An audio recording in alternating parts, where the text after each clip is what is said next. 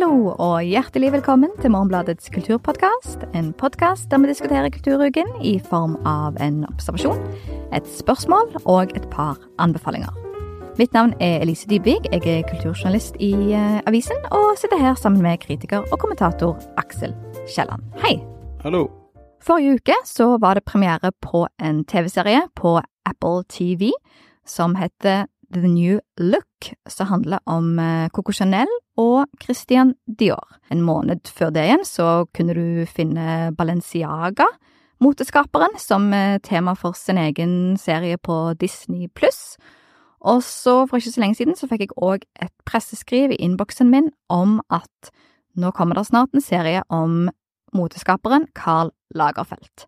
Da har vi tre, og da aner jeg konturen av en, ja, trend eller trend om moteskapere som mat for dramaserier. Ikke nok nå, visstnok, å lage bare kostymedrama, du må òg få kostymedrama til å handle om klær, og da får du dobbelt opp. Og da sitter du vel kanskje igjen, har jeg tenkt, med det ultimate virkelighetsfluktproduktet. Tanker om det? Eh, det er jo mye eh, luksus, det er mye penger, det er mye eh, gode historier om folk som når toppen, eller forblir på toppen. I tillegg til at de da føyer seg inn i en sånn bølge vi har hatt de siste årene med med merkevarefilmer, sånn som i fjor eller forfjor så hadde vi både kommet til filmer om Tetris-spillet uh, uh, og eh, det derre ostepopen de har i USA, eh, Cheetos. Ja. Liksom den vakre historien om hvordan en eller annen fant opp det. Og så i tillegg også selvfølgelig hadde du den uh, Air, som også var på kino i Norge, den Og hvordan de begynte å lage Jordan-sko. Sant. Så det er jo, det er jo et bredere teppe her, da. Mm. Og det, det, som nemlig er det fascinerende med denne The New Look om Chanel og Dior, som jeg ennå ikke har fått begynt å se på, men jeg har uh, sett traileren og lest det jeg klarte å finne av anmeldelser, så, så er premisset at uh, ut av uh, krigens grusomheter så kommer der flott skapelse. Det var en veldig dårlig oversettelse. Men, og det husker jeg fra når jeg For de tar utgangspunkt Tittelen baserer seg jo på denne kolleksjonen til Dior fra 1947. Og jeg husker liksom når jeg som barn og leste Frøken Detektiv, så særlig fordi jeg hadde noen veldig gamle Frøken Detektiv-bøker, og da kunne du se på forsiden om hvor vi var på 40-tallet, fordi at hvis skjørtet til Nancy Drew var kort, da var vi i krigens dager, og hvis det liksom vokste seg lenger ned, så var vi i etterkrigstiden. Da var det mm -hmm. mer tilgang på, på, stoff. Så det var en sånn Jeg følte en så jeg vokste opp med. Men det som da er det fascinerende med The New Look, at sånn som jeg har skjønt de veldig um, kritiske anmeldelsene som jeg har uh, sett, så er jo problemet med The New Look at den dreier seg veldig lite om klær, og den handler heller om hvordan ville du oppført deg unna eh, hvis du var okkupert av nazistene. Og da viser det seg at eh, Dior, han eh, gjorde bra ting, Chanel gjorde ikke så mye bra ting. Men det er noe her at, det, at du plasserer motehistorie oppi en krigshistorie, og uh, det er veldig masse andre merkelige ting som foregår her. Sånn at selv om de har hatt pengene til å kle folk ut i riktige klær, så har de ikke hatt brydd seg noe om, eller fått helt til å faktisk si noe videre om forholdet mellom klær og identitet og motstand som de prøver, men jeg tenker at jeg skal nå sjekke ut serien, og så får jeg se om jeg er like skuffa som de anmeldelsene jeg leste. Men i hvert fall så er det noe her, tenker jeg, med, med, med dette virkelighetsfluktproduktet. At ok, new look, mote, men vi setter det likevel til andre verdenskrig. Og så har du jo en situasjon i dag der folk snakker om eh, Eh, en litt mer spent verdenssituasjon, og så skal vi sitte og se på dette, og så lurer jeg litt på eh, hva vi får ut av det når eh, vi har sett på det. Ja, men jeg vet ikke om det Jeg vil kanskje si at det er det motsatte av virkelighetsflukt, ja, for det vitner jo om at film- og TV-bransjen har en De greier ikke å formidle klærne i seg selv. Mm. Uh, så derfor, derfor, må man ta liksom, disse dramatiske historiene. Både tror jeg her i avisen og, og andre steder klagde over uh, med House of Gucci-filmen, var jo det at det er jo ikke en uh, vakker film med mye klær som er fin å se på, men det er en film om mennesker som lagde noen klær, hva de drev med når de ikke holdt på med det. og det får du jo mye av i disse tingene her òg, da. At det er den derre Jeg vet ikke, liksom manglende evnen til å faktisk filmatisere det som folk faktisk er interessert i, da. Og så tyr man til Mm. liksom gode historier og viktige historier i, i stedet. Du har absolutt eh, overbevist meg det, og jeg tror kanskje at jeg aner konturene av en framtidig episode om eh, denne tematikken.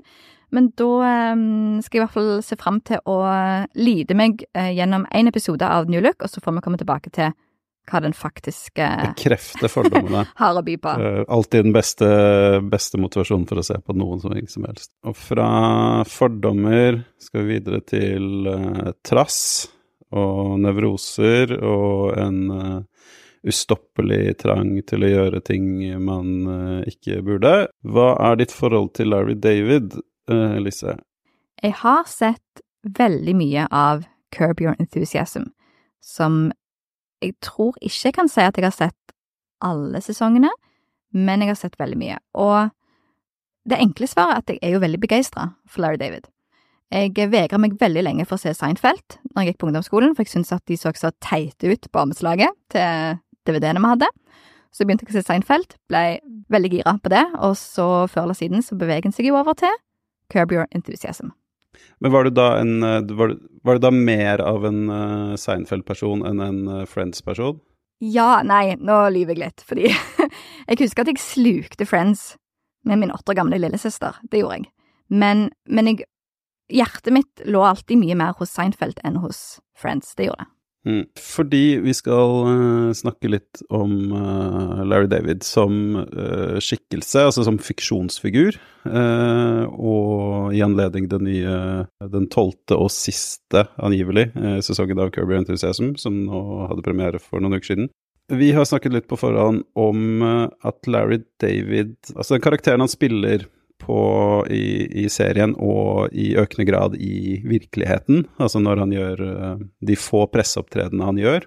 Så eh, hvis du ser han liksom sånn På overflaten så er han jo en uh, rik, gammel mann uh, med privilegier uh, opp til nesa, og som går rundt og gjør som han vil, og oppfører seg veldig dårlig. Og, og det kan jo da lett leses inn i et mønster man ser blant mange andre aldrende og fremgangsrike komikere, at de, de får seg en sånn sein karriere i å i, si ting som de da i deres uh, mening ikke får lov til, uh, og så bygger man et trofast publikum på å liksom bryte på spill, ta, innta, innta en rolle i en eller annen sånn uh, kulturkrig. Men når man kikker nærmere på Larry David, så, så passer han ikke inn i det mønsteret. Så hva er det da som gjør Larry David uh, spesiell i, i det moderne humorlandskapet? I um, reklameplakaten til denne siste sesongen av Your Enthusiasm, som nå i eh, snakkende stund så ligger det to episoder ute på HBO, så ja, i plakaten så ser du Larry David, som da er 76 år, leste jeg akkurat. Han står på et isflak, du ser eh, isen smelte rundt han, og så er taglinen, eller eh, er det et norsk ord for det? Det vet jeg ikke, la oss gå videre. Er the last of his kind. At han representerer en slags eh, utrydningstrua art eller type. Og spørsmålet for dagens episode er Er Larry David symbolet på vår tids lengsel etter å slippe å bli likt? Da før vi besvarer det, så sånn som du er inne på, Aksel, når det gjelder å plassere han som skaper, komiker, i forhold til disse andre, og da for eksempel eh, hva, hva er relevante eksempler da? Jeg vet at du har sett uh, siste standup-forestillingen til Ricky Gervais på Netflix? Ja, Jeg så Armageddon, som den heter, eh, og det er da første gang jeg har sett noe Gervais har gjort på sikkert en 10-15 år. Jeg falt da rundt den serien Derek. Og det må sies, altså, jeg er veldig begeistra for opprinnelig The Office. Jeg syns det er en veldig god og også formmessig interessant og alt sånt. Det er en veldig Det er en, en klassiker, klassisk serie, og en veldig god eh, komiserie, de to eh, britiske sesongene av The Office. Eh, Men etter det så har han jo da glidd inn i det som mange eh, komikere glir inn i i våre dager, en sånn um, innbilt eller reell kulturkrig, hvor han da tar på seg rollen for å forsvare det, liksom, det frie ordet og den frie humoren, og kommer med sånne lange, ganske sånn inderlige retoriske forsvar for latterens helbredende kraft, og hvordan latter transcenderer god og dårlig moral og sånn, som, som, man kan si seg enig i, men så ender det likevel da opp som med å bygge opp uh, veldig sånn banale vitser om folk med funksjonsnedsettelser og, og et sosialt engasjement som, som Gervais ikke er enig i. Uh, og publikum er der da for å liksom bare heie fram uh, disse, denne liksom hetsen, mer enn de er der for å le.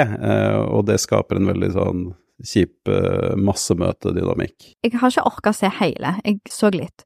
Og i starten så sier han vel noe sånt dette med at ord endrer mening, ord som før var greit å si, plutselig er ikke greit å si lenger, og så presenterer han et scenario der for eksempel at før var det greit å si eh, handikappa, nå må vi si folk med funksjonsnedsettelse. Så i det jeg så, så forteller han et scenario der han er på stranden, en dame kommer bort til han og sier at mitt handikappa barn holder på å drukne, og så, fordi at Ricky Gervais skal liksom eh, tuller med å si at nei, han er så opptatt av å være korrekt på alle mulige måter. Og så er jo premisset her at uh, han har uh, blitt woke, blitt en person som skal følge med i tiden, og um, korrigerer kvinnen og sier du mener vel ditt barn med nedsatt funksjonsevne.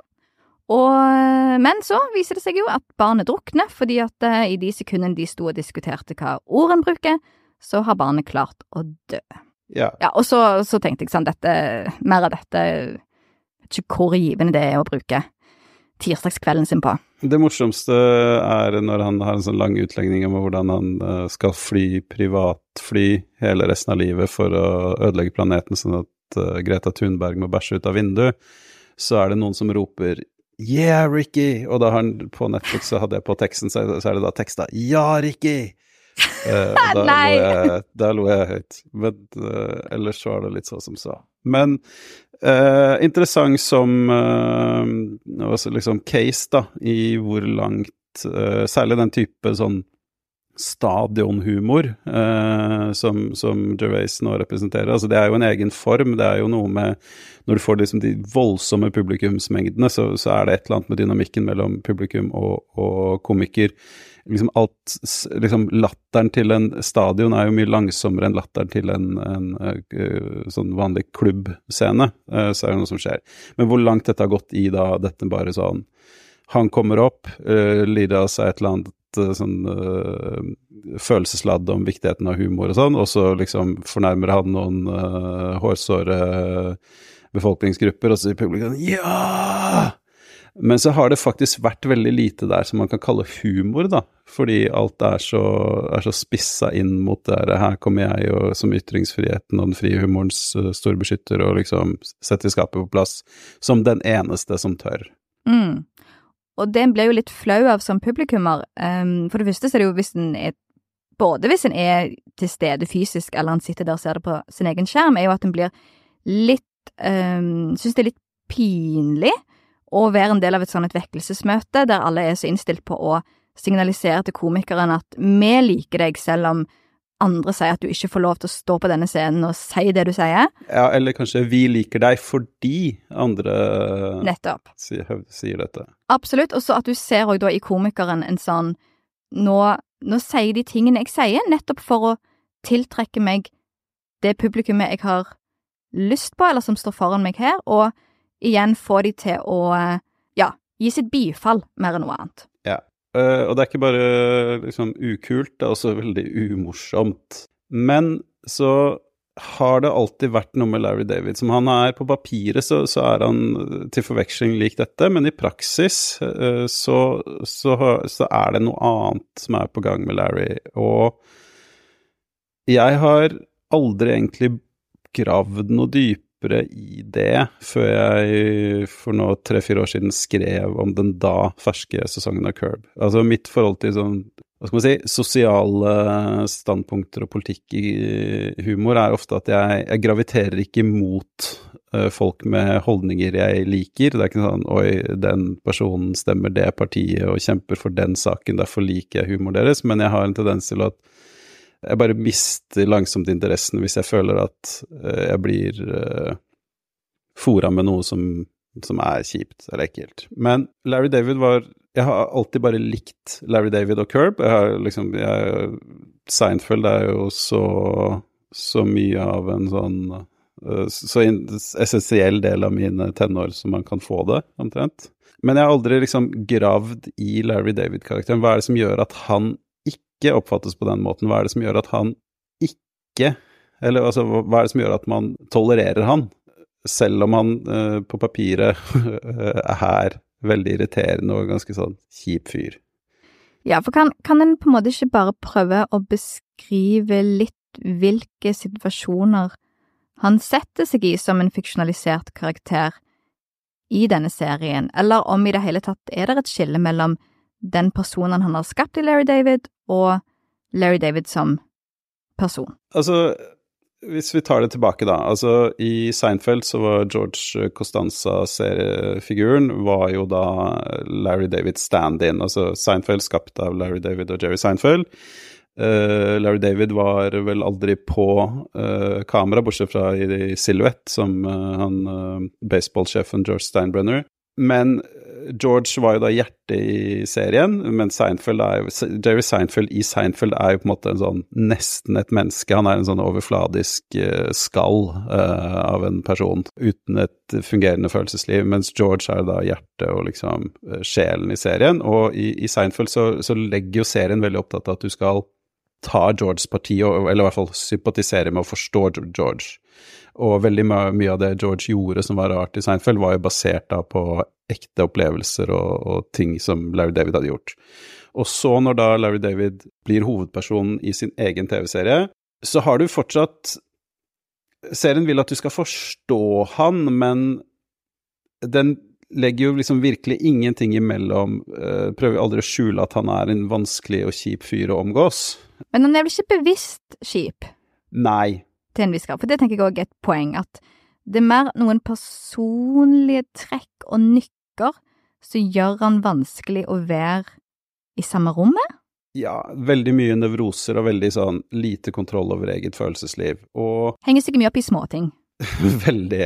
Eh, og, og, han er liksom Larry David-karakteren er jo også ganske sånn banal og, eller hva skal man si, grunn og overfladisk, sånn som Jerry Seinfeld i Seinfeld. Det er noe med at Larry alltid får svi for det han gjør, og det er på en måte det er ingenting å gjøre ved det. Det, er, det vil skje, og det, måte, det, må skje, og det bør skje i de fleste tilfeller. Noen ganger skal du synes litt synd på han. Men det er på en måte en ekstra dimensjon der i Larry David-karakteren som, som, er fraværende i I hvert fall i Jerry Seinfeld-karakteren i Seinfeld, men også i Altså det derre utvendige perspektivet, da, som mangler i veldig mange, mange sånne gretne komikere som klager over at uh, ting ikke er som de var og som de burde. Og så er det jo noe her med at selv om han er Larry David er et, eh, et slags unntak, eller eh, skiller seg fra sine andre privilegerte mannlige komikerkolleger, så skiller han seg jo òg fra folk flest i den forstand at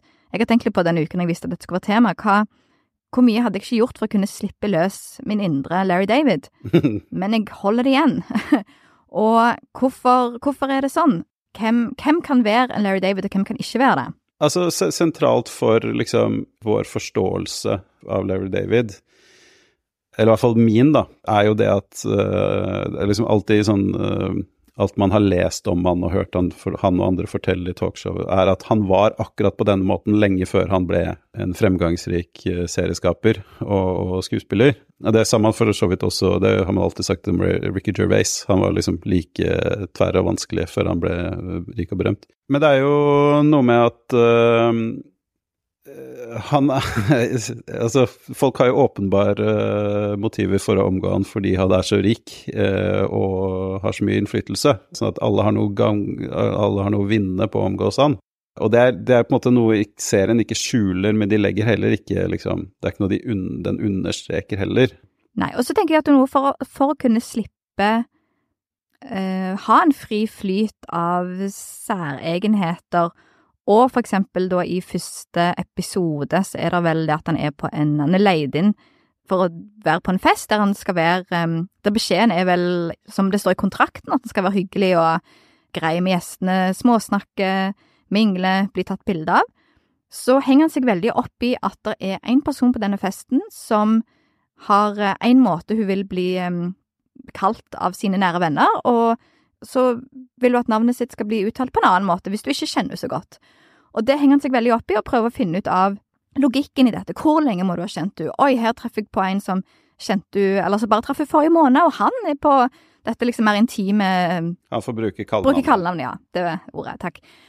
Og det gjør jo da òg at uh, det blir uh, anklage om kontraktsbrudd etter festen, fordi at han var ikke høflig og uh, Han klarte ikke å spille den sosiale rollen som eventet krevde av han, helt uavhengig av om han ble betalt for å være der. Og det ser du òg i en uh, scene der han står og småsnakker med en dame, og hun legger ut, og han parodierer Han klarer ikke å la være å henge ut banaliteten i det denne damen står og sier. Etter han uh, har vært på denne festen og da på en måte ikke greide å oppføre seg skikkelig, som var uh, del av kontrakten hans, altså selve premisset er jo helt absurd, at søkkrike Larry David skal delta på en fest hos en person han ikke kjenner, for penger.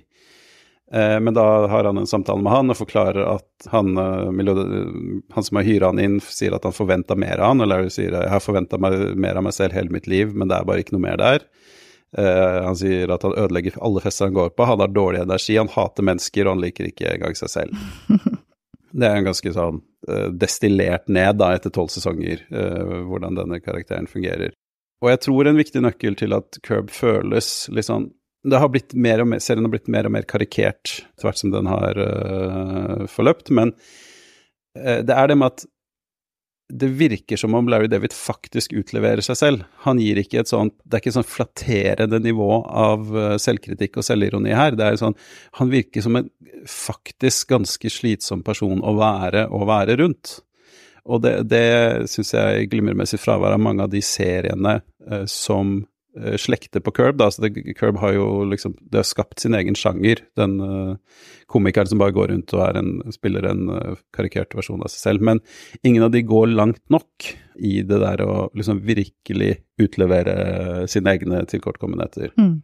Og så vil jeg jo si at det, det radikale i Larry Davids prosjekt bare blir mer og mer radikalt ut ifra hvordan en lever i en eh, påvirkerøkonomi, enten om en er påvirker eller bare en person med tilstedeværelse på sosiale medier, hvordan en er forventa til å spille med på kodene og en veldig sånn overfladisk tanke om en stilisert presentasjon av seg sjøl for å kunne få det bifallet som det forventes at alle er ute etter og alle vil, eh, vil ha. Da. Ingenting på en måte igjen dette med å bringe fram sin indre Larry David. Ingenting provoserer meg mer enn når jeg går inn på Instagram og ser sånne stiliserte familiebilder rundt 17. mai og jul, og jeg blir rasende.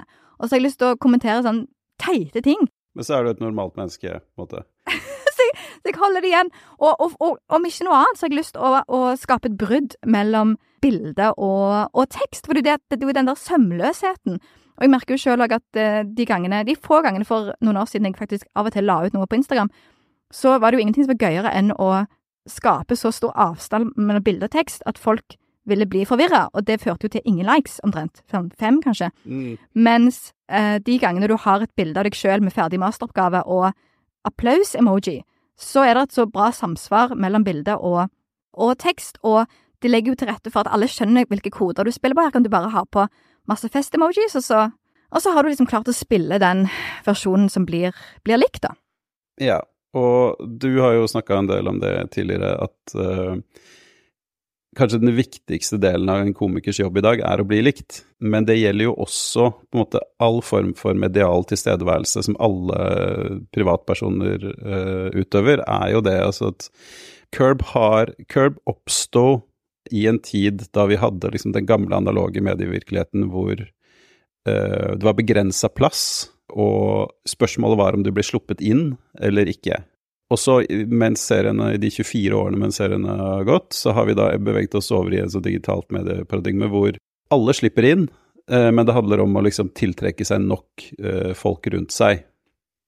Og liksom ved nettopp den type oppførsel. Altså det handler om å være spiselig nok for samarbeidspartnere og, og publikum hele tiden til å holde, liksom, holde hjernen varmt og hjulet i gang. Så Larry er på en måte, han er en sånn etter da, fra en annen verden, hvor man kunne være sånn, også det takket være at han har vært der hele tiden i den nye paradigmet, så, så fungerer han fortsatt. Men da den rollen han spiller som denne personen som kan gjøre seg til uvenn med alle, hele tiden. Det er alltid en risiko uh, for at uh, han blir uvenn med hvem som helst, og vennene sine. Den figuren da som ikke er opptatt av å bli likt, ikke er opptatt av å liksom, spille spillet etter det andres premisser, den får en annen betydning i en verden der kravet om å spille dette sosiale spillet, eller mediale spillet, eller hva du vil kalle det, har blitt mye strengere. Og det er da på en måte Da, da blir Larry en uh, mye mer sånn om ikke en inspirerende figur, så, det blir veldig eh, befriende å se han. For det er vel fortsatt sånn at ingen har egentlig lyst til å være han, uh, men mange skulle ønske de hadde den friheten. Det er veldig mye jeg setter pris på i Larry Davids humor, men én ting jeg setter pris på særdeles mye, er brillehumoren i Larry David. Uh, han er jo en brillebruker, og som en person så har altså meg jobbet veldig mange år i brillebutikk mens jeg eh, studerte. Så det å se igjen bare brillen og alt det rare og teite du må forholde deg til som brillebruker, levende levendegjort på, på skjermen, setter jeg veldig, veldig stor pris på. Og det får du et veldig godt eksempel på allerede i første episode av ny sesong. Da noen låner brillene til Larry David for å teste ut passer de denne modellen, og så har de et litt bredere hode enn Larry David, og ender opp da med å vie de såpass ut at de ikke henger på hodet til Larry David. Og det er bare et lite eksempel på en, en slags hverdagsfrustrasjon som eh, er veldig, veldig relaterbar, men òg gjort veldig, veldig godt. Det er kanskje viktig å understreke at Curb er morsomt, da. Altså, det, jeg vet ikke hvor mye alle disse tingene vi, andre tingene vi har sagt, uh, ville betydd hvis ikke det var gøy å se på. Etter nå å ha sett en del uh, Curb, så vil jeg jo si absolutt at jeg føler meg inspirert, og det er jo um, litt rart, kanskje, men, uh, men det gjør jeg, og prøver skal nå være litt mer Larry David i mitt eget liv, og så får vi se hvordan det går. Da er vi med siste og avsluttende del av denne episoden, nemlig anbefalinger. Aksel?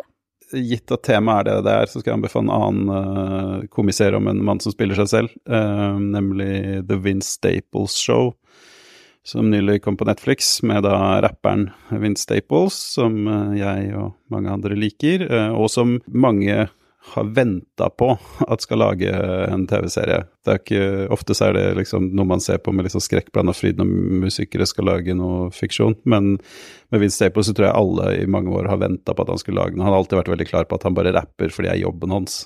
Så ja, man kan se den. Ikke, ikke noe liksom mesterverk, men litt sånn uh, Curb via Atlanta Light. Jeg, det er jo gjerne sånn når en skriver om film og TV, eller at det er en del av jobben, at en, det kjenner jo nok du igjen i, eh, deg igjen i, Aksel, at det blir mye liksom pliktseing, og du får ikke sett det du faktisk ønsker du innimellom kunne se. Så det har vært bare jobbseing på meg.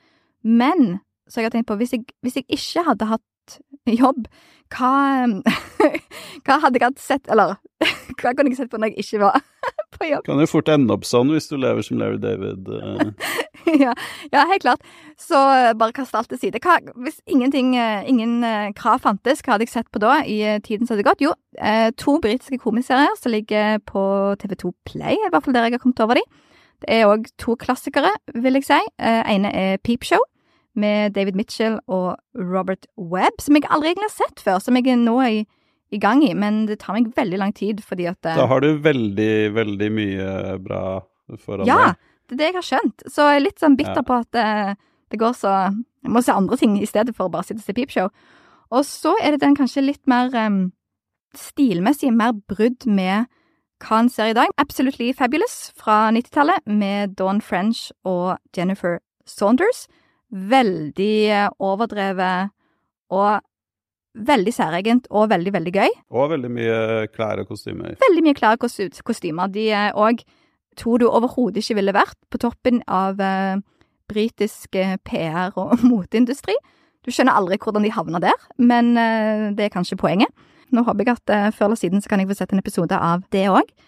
Så da eh, runder vi av der og sier tusen takk for oss. Tusen takk til produsent Kristine Aas, og ansvarlig redaktør det er Sunn Heidi Sæbø.